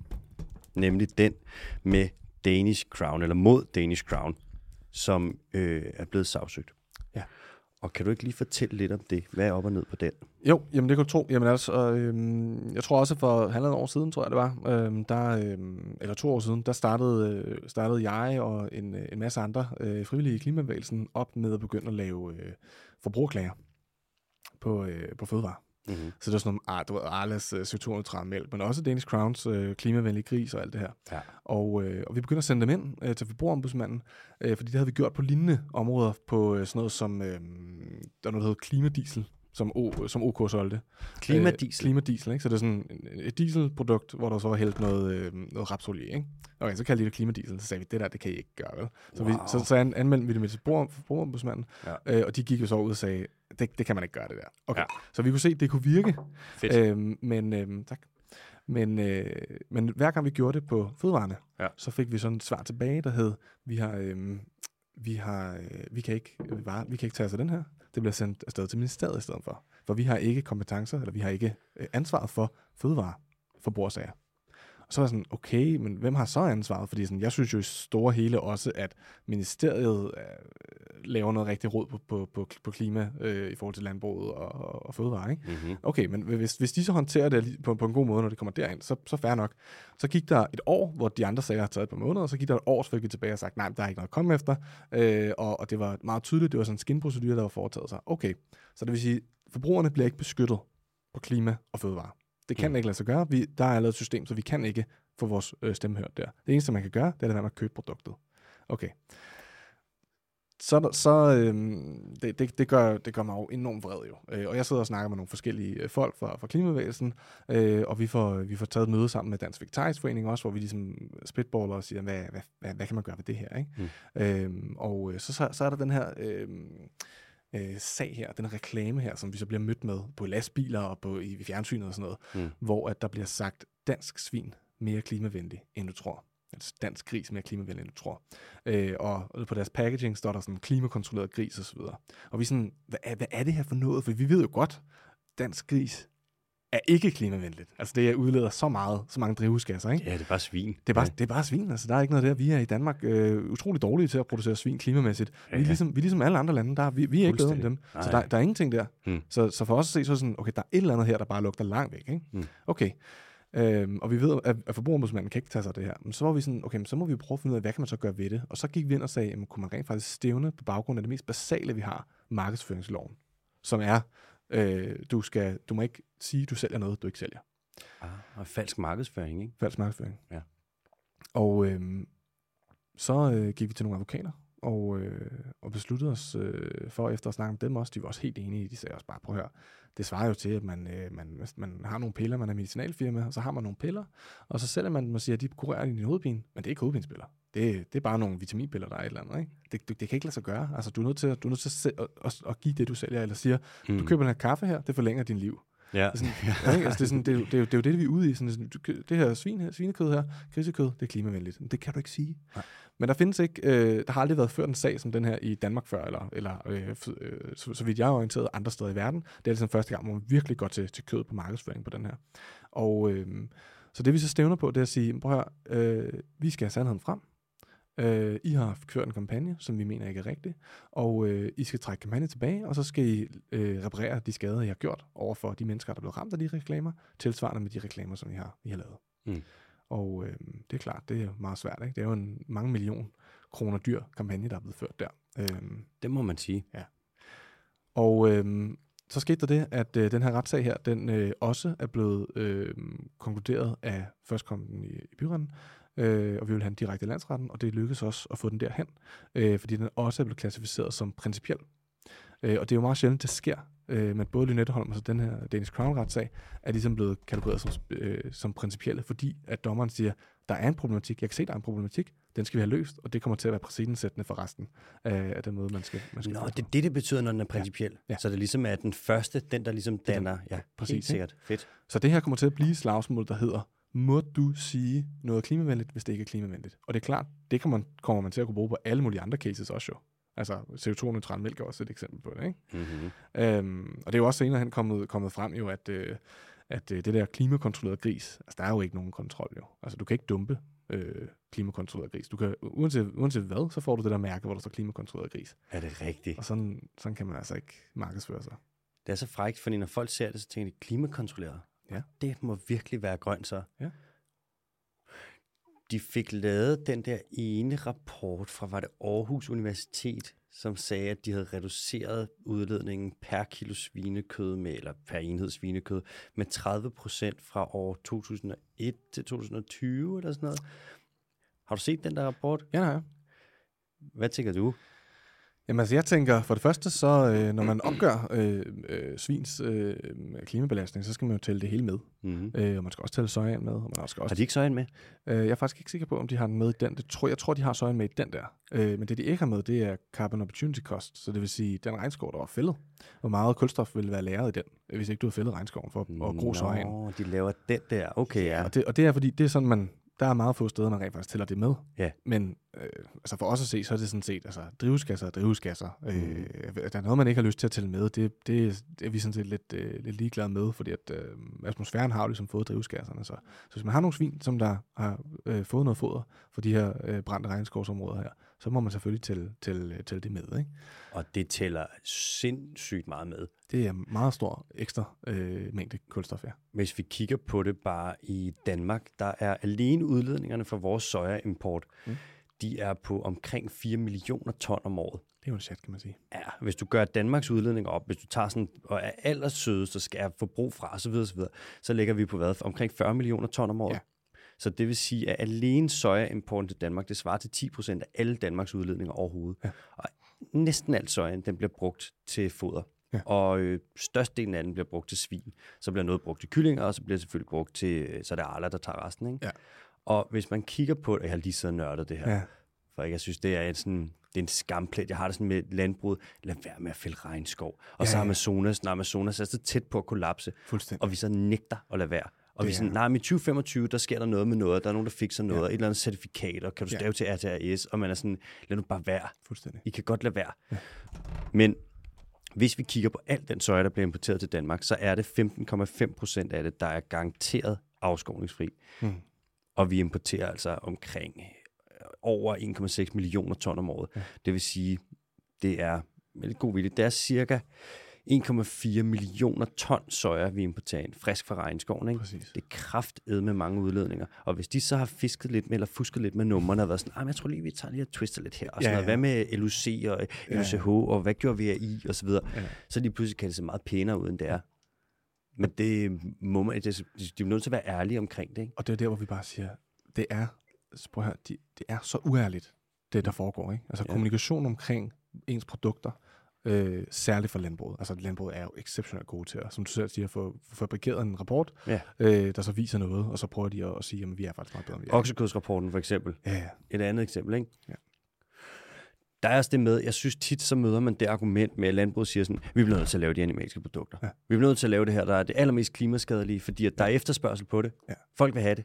Og hvis ikke vi laver det, så laver nogle andre det bare, de gør det værre. Det passer ikke i øvrigt. Men måske grunden til, at der er så meget efterspørgsel på det, det er, at de bliver ved med at lave kampagner. Skulle for deres reklamer, ja, præcis. Der får det til at se bæredygtigt ud. Altså, jeg kan ja. ikke kigge på min telefon. Hvis jeg går ind på Instagram, så får jeg, jeg får reklamer for grillpølser fra Danish Crown. Ja. Og det hele er sådan noget, ah, sat op med fine farver, yes. og det ene og det andet, og det ser så godt ud, ja. og en glad gris, og et eller andet. Sådan, det er et fabriksvin, mand, der har fået med regnskov. Og i øvrigt, så størstedelen af det svin, vi laver, det eksporterer vi alligevel til Asien. Så det er sådan lidt... Ja, ja, helt sikkert.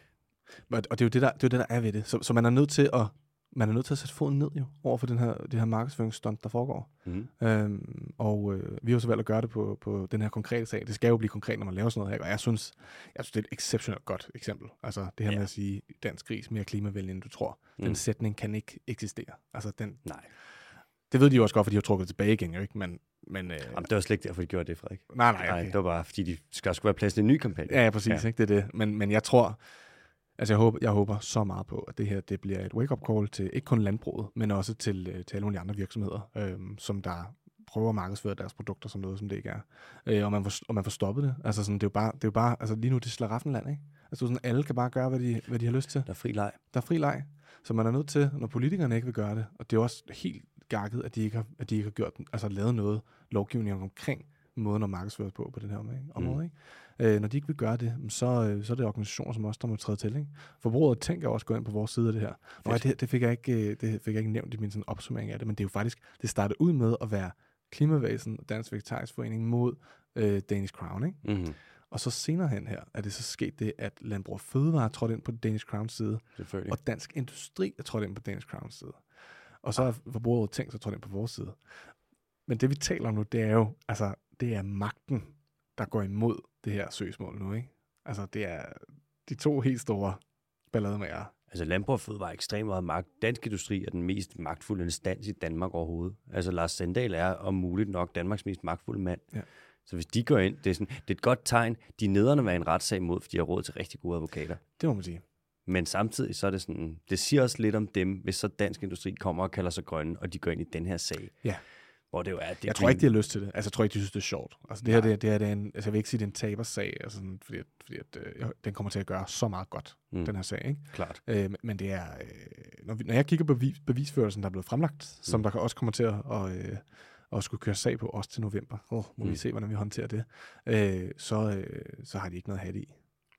Der er ikke noget dansk erhverv, er faktisk fuldstændig ude. Ikke? De er slet ikke. Ja, altså jeg tror, Øh, altså Dansk Erhverv er jo en organisation, der sig at være mere på forbrugernes side i, øh, i, i alt det her, ikke? Også med klimaafgifter, de støtter og så videre, ikke? Hvor Dansk Industri og Landbrug Fødevare jo er, er stærke modstandere, kan man sige, ikke? Mm. Øh, men, men lige den her sag her, der tror jeg ikke, at de er så meget på vores side der. Øh, Nej. Og det, og det er også svært, altså så man har organisationer under sig, som der også bliver påvirket, ikke? Så sådan, det er jo, ja. Men jeg tror, selvom man kommer til at kæmpe imod os på det her, så tror jeg også, at alle er glade for at få, få, øh, få nogle klare regler. Altså det er jo også sådan, så, at hvis man som virksomhed har et produkt, og man tænker, øh, jeg skal sælge det, jeg skal bare gøre maks muligt, jeg maksimerer bare mine muligheder, mm. så, så går, er klima måske også en mulighed. Ikke? Hvis vi fjerner den mulighed, så sådan siger men ingen af jer må sige, at I sælger noget, der er grønt, hvis det ikke er grønt. Øh, det burde være sådan, det var, ikke? Men, mm. men så, øh, så, så er det jo sådan, det er for alle jo. Og, øh, og det må man da sige, det er et vigtigt skridt. Ja. Det er et vigtigt første skridt. Ja. Ej, jeg så lige et citat op på det før med landbrug, vi snakker om. Hvad fanden var det? Jeg tror, det er Kjell Hansen, der havde skrevet i ja. en af hans bøger. Så han skrevet, at alle lande har et landbrug, men i Danmark, der har landbruget et land. Der er i hvert fald meget landbrug i Danmark. Er du sindssyg? Ja.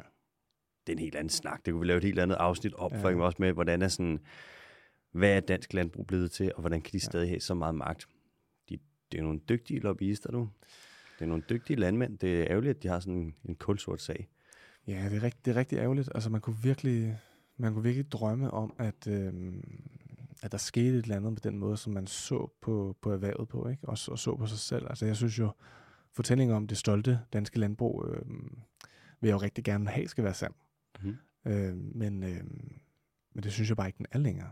Altså, jeg synes, det er svært at retfærdiggøre den brutalitet, vi har i det danske landbrug. Synes, det er mhm. svært at retfærdiggøre, at det sker, at vi producerer nogle, nogle fødevarer, øh, på bekostning af ikke kun øh, menneskers mistrivsel, men også på naturen, øh, som vi også er meget stolte over i Danmark, måske har været i hvert fald, mm-hmm. øh, at den bliver, den bliver ødelagt, og så også, at det forringer fremtidige generationer. Eller det, en gang sagde man, at det var fremtidige generationer, men lige nu, altså lad, lad, lad os være ærlige, det, det er din og min, mit liv, ikke? Ja. der kommer til at blive, blive rigtig, rigtig påvirket af det her.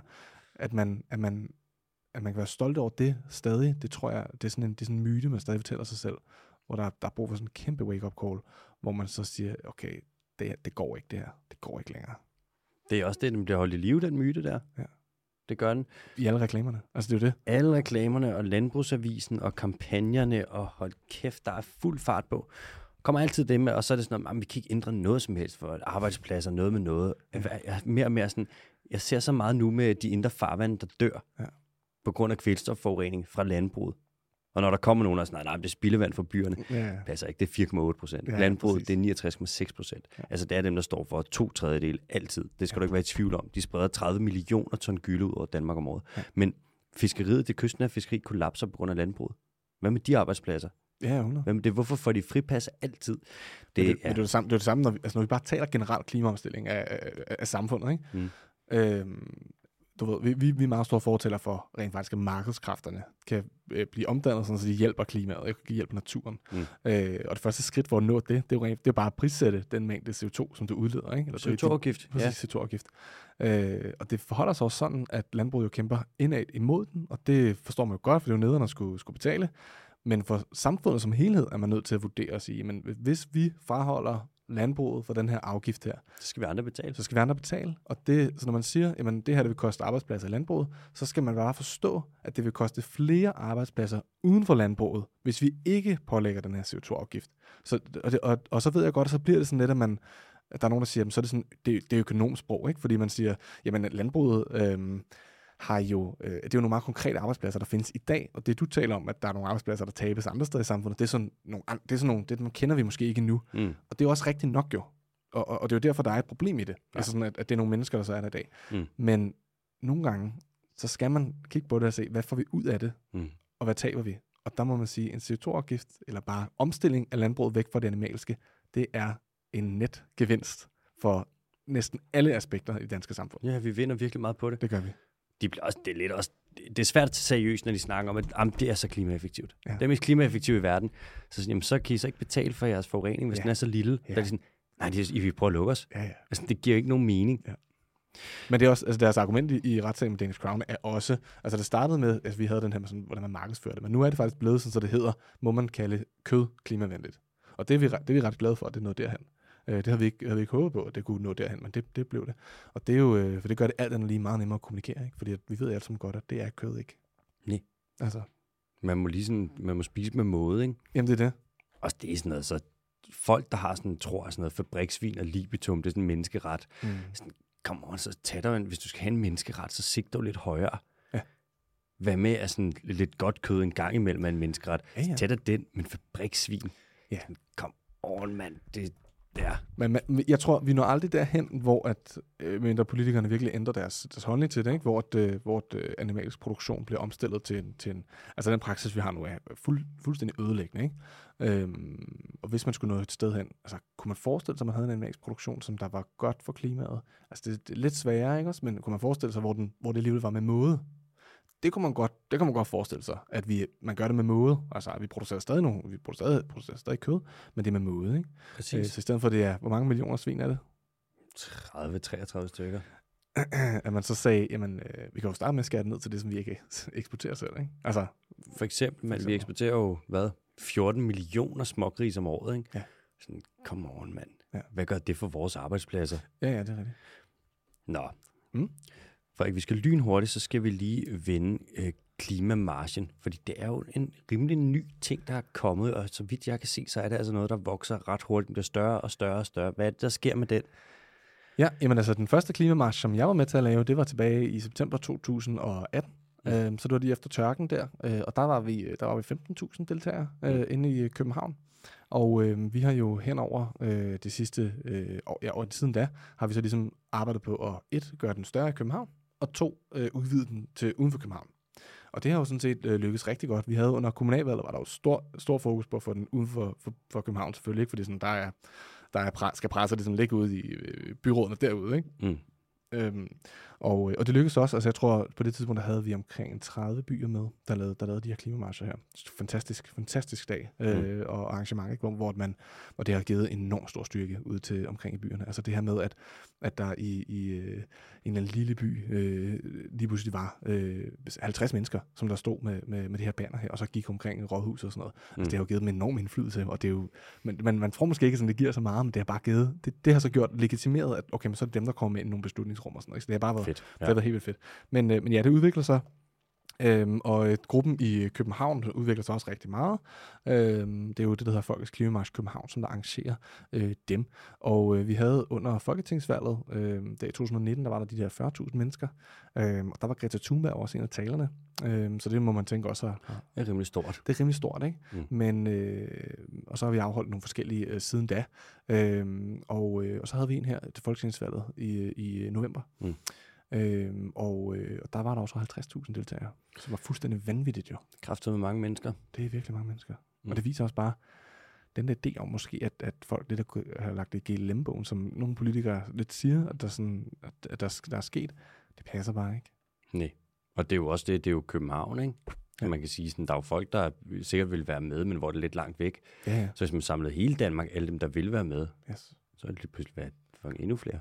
Ja, så, altså, og jeg tror, altså, jeg tror virkelig meget på, at Folkets Klimamarsch, det er, øh, det er det sted, hvor vi viser, hvor mange vi er, øh, og hvor meget det betyder for os. Altså, vi, har vi laver jo alt muligt, altså alle øh, frivillige i, i, i foreningen, øh, og udenfor, øh, der arbejder med klima, laver jo alt muligt i hverdagen, hvor man prøver med nogle, nogle, nogle bestemte emner, og prøver at påvirke det på en eller anden måde, eller retssager osv.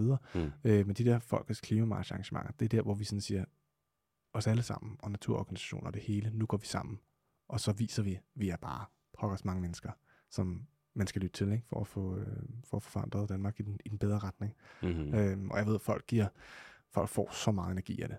Altså, det er så opløftende at komme til sådan et arrangement der, og bare se, hvor mange der er, ikke? Fordi mm-hmm. man, for, for som jeg sagde tidligere, det der med, at folk føler sig alene, og det, det er jo meget sådan, når man er, når man er i kamp mod magten, mm. øhm, så er det oftest meget store spillere, man er imod. Ikke? Det må man om sige, Om det er borgmester, eller om det er Dansk direktør. Industri, ja, ja, præcis. Ja. Ikke? Øh, og når man så går sammen der og viser, wow, hvor er mange, der, der ser man det internt, men man ser det også over for, for, for magthaverne, ikke? at de ser, hvor mange man er. Ja. Igen, de må synes, det er lidt irriterende, det der med, at den vokser hvert år. Sådan, er nu bare hjemme. Ja. ja, altså, men man kan sige, i hvert fald så meget, at Mette Frederiksen jo i november var nødt til at komme med ned og gå med i marchen. Det er rigtigt, ja. Og det må man også, altså, det er to ting. Selvfølgelig det ene, hun føler, hun kan tillade sig det. Så der er et eller andet der, der siger, at hun tror, at hun fører en grøn nok politik til, at hun kan tillade sig det. Hun går faktisk og protesterer imod hendes egen politik. Det kan man sige. Ja. og det andet er jo så, øh, øh, ja, hun går, netop går ned og protesterer mod sin egen politik, ikke? Sådan at, øh, øh, men, men, men også, at hun, at hun føler, en, at det er nødvendigt at møde op, ikke? Jo. Altså, en statsminister tager, tager tid ud af kalenderen for at møde op til en klimamarsch, må man også alt andet lige sige, okay, men så er der jo en eller anden indflydelse at hente der, ikke? Det må man sige. Og det er det, man skal forstå, at det er den danske klimabevægelse, som gør, vi arrangerer de her store øh, øh, demonstrationer, og så opbygger vi en politisk kapital, vi så kan tage med ind til statsministeren eller Lars, øh, Lars Ågaard, mm. øh, og så sige, prøv at høre, der skal ske noget. Ikke? Øh, og det er derfor, de er så vigtige, de her klimamarcher. Ikke? Det er næsten en øh, magtdemonstration på en måde, jo. Det er det helt klart. Frederik, vi er vel tør for tid. Ja. Men jeg har et sidste spørgsmål, som, øh, fordi vi har rundet, vi skulle snakke lidt om sådan noget med politikerne, deres vilje til at gøre noget for klimaet, men vi har jo lidt været øh, forbi, vi har rundet det. Ja. Så det sidste, jeg egentlig vil spørge om, det er, hvor stor tror du, at klimabevægelsen den bliver? Uha. Altså, jeg har en drøm om, at øh, vi ender med at sidde samme sted, som fagbevægelsen gjorde for, øh, for, for 100 år siden. Mm-hmm. At man sidder med i de her trepartsforhandlinger, og så kan forhandle med for klimaet. Men, øh, men øh, det kræver, at vi bliver noget større, kan man sige. Ikke? Øh, jeg tror på, at, øh, at vi bygger stille og roligt op, for bygget vores, øh, vores øh, lokale organiseringer op rundt omkring i landet. Sørger for, at mennesker derude, de får kapaciteten til selv at kunne lave forandring i deres samfund. Og så tror jeg, at man kan se værdien i at samle sig nationalt øh, og lave de her større kampagner, der virkelig lægger pres mod os Christiansborg. Mm. Øh, og, øh, og så håber jeg da på, at når vi, øh, når vi sidder her om en, en fem års tid, så, har, så, så kan politikerne ikke tillade sig at, øh, at godkende flere øh, boringer i, i Nordsøen, øh, fordi de godt ved, at så den danske klimabevægelse kommer efter dem. Fedt. Hvis jeg må give et tip, ikke? Ja. når jeg skal satse på den der stigning i, hvor store jeg skal blive og sådan noget, så start stille og roligt. Gør stille og roligt op, og så det sidste, så laver et lille svirp. Ja, som en hockeystav. Er en hockeystav. Ja. Det virker det, sådan man gør med klima. Det går meget fedt. Frederik, fandme tak, fordi du ville være med. Ja, selv tak. Tak fordi jeg måtte være med. Fornøjelse.